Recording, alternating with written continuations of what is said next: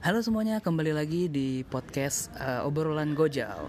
Podcast yang bakal ngebahas tentang seputar dunia digital. Terus kita banyak juga tentang produk desain Seperti uh, pembuatan proses pembuatan aplikasi maupun website. Dan juga kita bakal ngebahas tentang karir-karir seputar milenial. Dan hari ini episode yang sangat seru karena hari ini kita bakal ngebahas sisi fundamental dari produk desain itu sendiri. Karena mungkin kan banyak uh, dari kalian yang belum mengenal apa sih produk desain itu seperti apa. Jadi topik hari ini adalah pentingnya produk desain di perusahaan startup. AC tapi hari ini gue nggak bakal ngobrol sendiri nih. Gue nggak bakal ngasih tahu eh nggak bakal sharing lah ke kalian sendiri. Hari ini kita kedatangan tamu yang sangat spesial di sini udah ada Om Zul Fikar. Halo Om Zul. Halo halo. Yo, eh. Kalau gue nih biasanya manggilnya bukan Om apa Zulfikar ya, gue biasanya manggilnya Om Jul asik. Halo Om Jul, uh, makasih nih sebelumnya udah datang di podcast obrolan Gojal ya. Uh, jadi hari ini kita mau bakal sharing-sharing nih tentang produk desain ya. Yo. Karena Om Jul kan udah berada di ranah ini dari dari kapan nih kalau boleh tahu nih pengalaman Om Jul di sini? Uh, kalau boleh tahu pengalaman buat ngerjain uh, UI UX gitu, produk desain itu kemu uh, sekitar tujuh tahunan ya, tujuh tujuh delapan tahun lah. Udah 7 sampai 8 tahun ya. Iya. Itu kalau itu ibaratnya udah udah dari SD SMP ya udah 8 tahun udah cukup lama ya. Iya. Emang sebelumnya tuh emang dari kuliah itu di desain terus emang mau di ranah ini apa gimana ya? Nah sebenarnya em, dulu eh, memang di desain. Jadi dulu kuliahnya juga desain eh, di cafe, terus em, kerja juga di perusahaan di agensi juga dulu sempet em, ngerjain desain. Dulunya bukan UI UX design ya, tapi eh, lebih ke desain grafis waktu itu. Ini kerjaan desain grafis. Terus em, pengen juga uh, mau kayak expand gitu skillnya. Jadi nggak cuma skill ngedesain grafis aja tapi mau juga kayak ngedesain website gitu. Hmm. jadi dari situ sih mulainya uh, apa namanya? Karena sini iya, gitu ya. jalan apa dari dunia apa desain digital tuh dari situ sih. Mungkin uh, mau apa nanya juga nih tadi kan sempat mention namanya graphic design ya. Mhm. Itu mungkin di sini ada beberapa yang masih belum tahu tuh graphic design itu apa mungkin bisa di kasih tahu nggak gambarannya itu graphic design itu gimana sih? sebenarnya graphic design em, uh, karena konteksnya adalah desain komunika- komunikasi visual jadi kita harus memama- uh, memaparkan satu komunikasi itu dalam bentuk desain gitu perbedaannya antara desain komunikasi visual dan desain pada umumnya gitu kan kayak em, ngedesain itu harus berdasarkan em, apa yang kita mau komunikasikan ke orang yang lihat gitu kalau desain grafis kayaknya karena karyanya akan mungkin dipasang di billboard misalkan mu- mungkin bisa dipasang di mana-mana gitu Oh, lu- bisa lu- berupa ini banner ya gitu. kayak oh kayak yang poster gitu-gitu ya berarti Iya. ya. tapi Oke. eh, harus melihat dari konteksnya gitu kan karena kan kita mau mentranslate komunikasi itu dalam bentuk desain makanya Hmm. kenapa dinamainnya desain komunikasi visual gitu Oke. Sih. Terus gimana tuh? Boleh ceritain lagi nggak? Uh, ya jadi short life path-nya gimana tuh tadi kan awalnya kuliah di cafe, terus masuk agensi, terus lanjut gimana lagi tuh?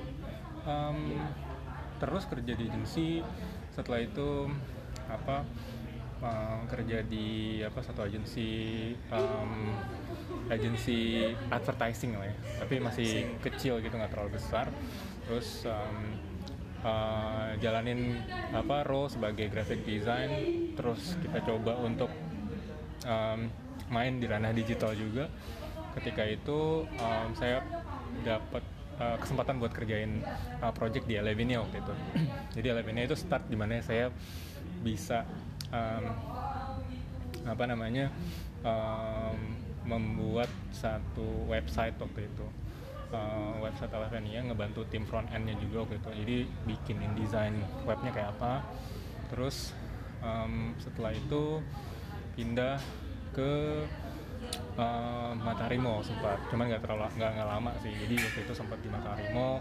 Sebentar aja habis itu ada tawaran dari uh, tempat lain e-commerce juga blibli.com uh, di sana uh, ngerjain travel blibli travel waktu itu. Terus setelah itu bikin uh, beberapa uh, macam desain termasuk um, apps-nya juga. Jadi semuanya tuh across platform gitu dibuat di Blibli Travel. Jadi nggak cuma di website tapi di apps juga gitu. Um, terus setelah itu ada tawaran dari uh, Grab juga buat uh, apa uh, uh, bantu desain untuk di uh, merchant juga gitu. Jadi ya di sana memulai memulai banyak banyak hal yang dipelajari gitu pada saat uh, pindah ke sana. Dan uh, apa uh, sambil juga sebagai freelancer jadi apa freelancer product design. Setelah itu um, sekarang kerja di Switch Mobile gitu sih kurang lebih sih kayak gitu Oke. shortcut life ya. Jadi sekarang kesibukannya nih apa aja nih Om? Selain di Switch Mobile, mungkin ada kesibukan lain? Em, kesibukan lainnya eh, sekarang ini sih ya sibuk kerja aja gitu sama kalau memang ada eh, kerjaan lain freelance gitu juga bisa di eh, handle jadi sambil ya masih ngerjain produk desain ngedesain web ngedesain app masih itu aja sih Oke. belum dagang sayur belum belum belum ya belum dagang sayur. Oke jadi kan di topik kali ini kan kita bakal ngomongin tentang produk desain ya kan. Nah banyak nih yang masih apa ya masih bingung nih kan produk desain. Banyak yang mikir tuh produk desain tuh kayak desain produk kemasan gitu loh atau atau misalnya produk kayak mebel-mebel kayak gini itu banyak yang yang kayak gitu tuh. Nah ada tuh yang taunya UI UX gitu kan user interface, user experience, design atau web designer kan ada juga. Nah sebenarnya produk desain kenapa sekarang ini namanya produk desain gitu? Sebenarnya produk desain itu apa sih?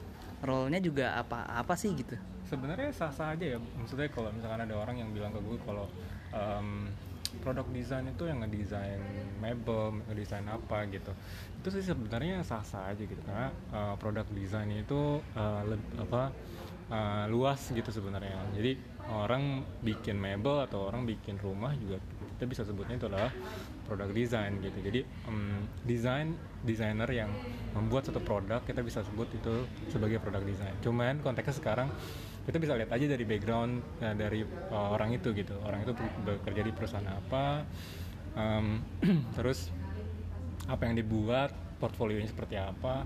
Ketika sudah masuk ke ranah digital maka kita bisa sebut juga uh, produk desain itu adalah seseorang yang membuat desain um, digital product design Um, jadi orang yang membuat um, desain untuk uh, apps gitu user interface ya bisa juga dibilang kayak digital product designer lah kalau lebih um, lebih tepat Lebih jelasnya, jelasnya iya gitu. biar biar enggak ini ya biar enggak apa salah persepsi Betul. sama yang produk real gitu. Jadi produk desain yang sekarang ini lagi happening itu namanya digital product design. Jadi bisa dibilang seperti lebih itu, ini ya lebih ke arah aplikasi, website kayak gitu Iya, betul. produk berupa eh, digital produk gitu. Hmm. Nah, boleh di eh, ini nggak Om kayak sharing lah. Menurut Om Jul nih di Mhm. eh, sebagai digital product design team gitu ya Mhm. untuk membangun eh, digital product design team sebenarnya role-role apa aja sih yang dibutuhin nih untuk membangun itu? Um, role apa aja untuk menjadi seorang product designer atau? Eh, role-role yang dibutuhin nih kan product design team kan membuat suatu produk digital nih. Nah menurut Om Jul nih eh, role apa aja nih? Jadi biar kombinasi timnya yang pas seenggaknya tuh ada apa aja sih? Gitu. Ini uh, ada. oke um, nangkap poinnya uh, mungkin di sini gue mau disclaimer dulu mungkin di perusahaan-perusahaan lain berbeda gitu kan. Jadi tiap-tiap perusahaan uh, punya komposisi uh, tim yang berbeda-beda. Ya. Ah. jadi kalau di sini kalau menurut gue sebenarnya yang ideal adalah uh, semua semua tim itu punya kayak kemampuan buat mengerti user kita sih sebenarnya. Jadi user kita seperti apa semua tim itu sih modal utamanya yang penting gitu kan. Jadi bisa understand the user gitu understand the user needs gitu itu yang paling paling krusial gitu kan. Um, terus yang kedua komposisi yang tepat sih sebenarnya nggak ada um, yang gimana gitu ya. Yang penting kita bisa ngedeliver satu um, uh, produk yang diinginkan oleh customer atau user gitu. Kalau di Switch Mobile sendiri komposisinya sih sebenarnya simple dan sangat sederhana gitu walaupun proyeknya lumayan banyak. Jadi ada tiga UX designer terus visual designer ada dua UX ris- eh, UX writer satu dan satu UX researcher gitu. Si kurang lebih komposisinya se segitu aja untuk di switch mobile. Mungkin di, perusahaan-perusahaan lain bisa jadi berbeda gitu. Bisa aja satu tim cuma isinya lima orang semuanya UX design gitu. Karena mereka semuanya bisa mengerti cara mengkompos um, uh, writing yang tepat gimana dan melakukan riset sendiri itu itu itu ada juga gitu Jadi banyak, banyak faktor lah ya. Iya. Dari intinya adalah kebutuh apa resource dari si perusahaan itu juga ya kan. Yep. Kebutuhan dari perusahaan itu gimana. Mhm. Yang intinya ngejawab permasalahan user gitu Mhm. sebagai Yes. product designer. iya betul Oke. Ah, terus ada ini nih mau nanya ya. Mhm. Menurut Om Jul nih seberapa penting sih peran product design nih di perusahaan? Jadi ibaratnya gini, kalau misalkan nggak ada product design nih Mhm. di perusahaan startup gitu ya, Mhm, mhm. bakal gimana sih? sebenarnya em, produk desain tuh memegang peranan yang sangat penting juga di dunia em, startup apalagi di di satu perusahaan yang bukan di sebuah di sebuah perusahaan bukan di eh, Bukan bukan startup bukan gitu startup ya. doang ya. tapi di Sekarang sebuah perusahaan gitu ya. jadi produk desain itu sangat em, penting ya jadi kalau menurut gue sendiri em, segala sesuatu yang atau perusahaan yang bergerak di bidang digital kayaknya perannya itu sangat penting. Karena kita sebagai produk desain nggak cuma mikirin gimana caranya bikin desain bagus gitu. Tapi kita juga bisa mengerti em, kebutuhan user. Makanya em, di produk desain sendiri itu kayak ada research um, research yang bisa menganalisa kebutuhan-kebutuhan user gitu. Mm, dan juga memvalidasi apa yang sudah kita buat gitu. Jadi di produk desain sendiri karena user itu sangat uh, penting buat kita kita mau dengerin mereka kita mau menganalisa behavior mereka seperti apa sampai kita bisa ngedeliver sesuatu yang tepat buat user kita. Itu sih fokus kita tuh harus kayak memposisikan diri kita itu ego kita menjadi secondary uh, second priority gitu. Jadi uh, put the first priority for our user. Itu sih yang yang paling penting gitu buat product design. Jadi sangat penting sih karena kalau kita lihat mau masarin produk tapi produknya nggak kena sama user ya jadi kayak uh, buat apa gitu? Sayang kan gitu Oke. Gitu sih. Menarik ya, emang produk desain ini sangat menarik. Mhm. Kalau dilihat dari prospek ke depannya gitu kan. Prospek ke depan dari kita lihat ekonomi, kita lihat perkembangan teknologi gitu kan. Jadi menurut Om Jul gimana nih? Worth it nggak sih atau jangan worth it deh? Kayak gimana nih biar kita tuh ngasih tahu nih edukasi yang mungkin masih kuliah atau mungkin sekarang SMA Mhm. biar biar ng- ngena nih kalau seorang product designer ini tuh penting sih menurut Om Jul gimana gambarannya prospek ke depan dari karir ini tuh gimana sih? Sebenarnya prospeknya em, sangat bagus ya. Soalnya em, kalau kita melihat eh, perkembangan teknologi yang sangat pesat gitu. Jadi kita em, banyak sekarang perusahaan-perusahaan yang apa namanya mm, fokus di digital karena em, melihat prospeknya begitu begitu begitu luas gitu dan begitu menjanjikan di di depan sana gitu. Jadi eh, bagusnya kalau kita mau fokus di product design ya kita punya kesempatan itu sih sebenarnya. Karena uh, kita tahu semuanya juga uh, teknologi berkembang sangat pesat. Um, iya jadi teknologi berkembang sangat pesat. Mungkin um, kalau mungkin ya sekarang nih kalau gue bisa gambarin kalau sekarang fokusnya ke desain app gitu kan ya. Mungkin kalau kita menganalogikan experience gitu yang akan kita deliver ke user um, mungkin sekarang ini masih berbentuk screen by screen gitu kan ya. Di Hmm. dalam aplikasi gitu kan ya kalau mungkin ke depan lagi mungkin 10 tahun lagi gitu. Experience designer nggak cuma ngedesain screen gitu. Mungkin aja ini baru kemungkinan gitu kan. Em, bisa aja kayak augmented reality, virtual reality gitu ya. Mendesain mendesain experience seperti apa gitu. Benar, benar, benar. jadi ini baru kayak semacam gambaran. Ini nggak dapat sumber uh, dari mana-mana. Cuman kayak kepikiran gue aja sih seperti itu gitu. Jadi um, itu sih yang gue gambarin. Jadi kalau Iya. misalkan ada chance nggak nih gitu? Ada kayak prospeknya seperti apa? Kalau menurut gue sih sangat sangat menjanjikan Iya. ya. bisa, bisa jadi nanti kayak ada hologram Bisa, gitu-gitu ya. Kalau mendesain satu experience seperti itu. Tapi gue nggak tahu ya. Itu Iya. akan seperti apa trennya nanti ke depannya. Oke. Nah, awalnya kan tadi sempat bilang juga awalnya tuh Om Jul di DKV, terus awalnya graphic design, pindah. Akhirnya baru tuh pindahkan ke dunia ranah produk desain lah ibaratnya. UI UX dan lain-lain. yes Nah, apa yang membuat Om Jul memilih bidang ini gitu? Kenapa Om Jul memilih untuk menjadi bidang produk desain sampai sekarang ini gitu? Nah, pertama ya sebenarnya desain apa pun em, bagus ya. Cuman em, tahu kenapa produk desain itu penting karena ada relasi ada goal yang uh, gue sendiri mau M gitu kan ya jadi on um, uh, apa namanya goal yang mau gue M sebenarnya gimana sih caranya kayak lo bisa buat satu produk yang bisa impact ke um, ke orang gitu. Sebenarnya uh, kita bisa lihat kalau uh, dan dan dan banyak belajar gitu dari orang lain gitu. Itu menurut gue sangat menarik gitu. Dan produk desain itu adalah um, yang ngejawab gitu kebutuhan itu gitu. Jadi ya challenge juga sih buat gue buat kayak um, ngerti usernya tuh kayak gimana sih maunya kayak apa. Terus sampai kita bikin satu produk yang bisa ngejawab pain point dari user itu. Itu sih kayaknya um, challenge sih kenapa gue pilih produk desain uh, jadi kayak journey desain buat gue gitu. Ya, tapi basically sebenarnya desain itu kayak diri gue lah gitu kayaknya gue kayak sampai meninggal kayaknya gue mau, mau ngedesain gitu yo, gila deh keren banget. Desain itu kayaknya yang yang yang bikin gue sampai kayak gini sih sebenarnya. Jadi di sebenarnya desain apa pun gitu, lo mau desain grafis, asalkan lo ngelakuinnya dengan kayak ya ya bagus gitu dan lo ngerasa kayak ini adalah passion lo, lo gak akan pernah uh, nyerah dan karena lo kan lo nggak akan pernah um, berpikir kayak ah susah nih gitu. Iya bener banget sih. Ya gue gue juga ngerasain kayak gitu sih kayak apa kalau misalnya di kerjaan misalkan contoh finance lah. Ini ini karena bukan passion gue sih. Dulu kan gue seorang finance ya. Hmm. nah itu tuh gue merasa beban gitu. Kayaknya ya kalau hmm. misalkan hmm. bikin yang banyak banyak itu tapi beda kalau misalnya pas gue lagi desain ini tuh rasanya uh, ibaratnya gini disuruh lembur tuh bukan disuruh tapi kayak emang kita yang mau gitu. Iya, karena kita seneng di sini. Iya sih gue ngerasain kayak gitu juga ya. Iya dan dan kalau mau ngereflek lagi kan sebenarnya banyak orang bilang alah bullshit gitu lah. Yeah. oh, ya, sensor aja gitu kata-katanya. Jadi alah apa kayak bohong lah lu cuman kayak apa mau passion gitu ya. passion segala macam. So menurut gue sih bukan masalah passionnya juga sih tapi karena lu ngerasa kayak ya lu enak aja gitu ngejalanin ya dan dan perlu diingat lagi desain ini menghidup kalau gue ya buat pribadi desain ini menghidupi gue.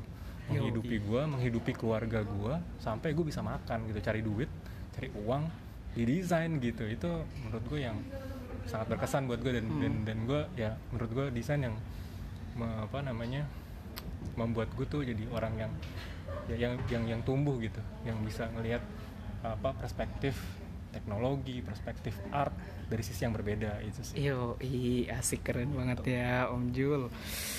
Satu lagi terakhir nih buat apa teman-teman obrolan Gojal. Satu quotes yang menggambarkan seorang produk designer menurut seorang Om Jul hmm. apa? Um, produk designer sebenarnya ya satu quote ya. Satu quotes.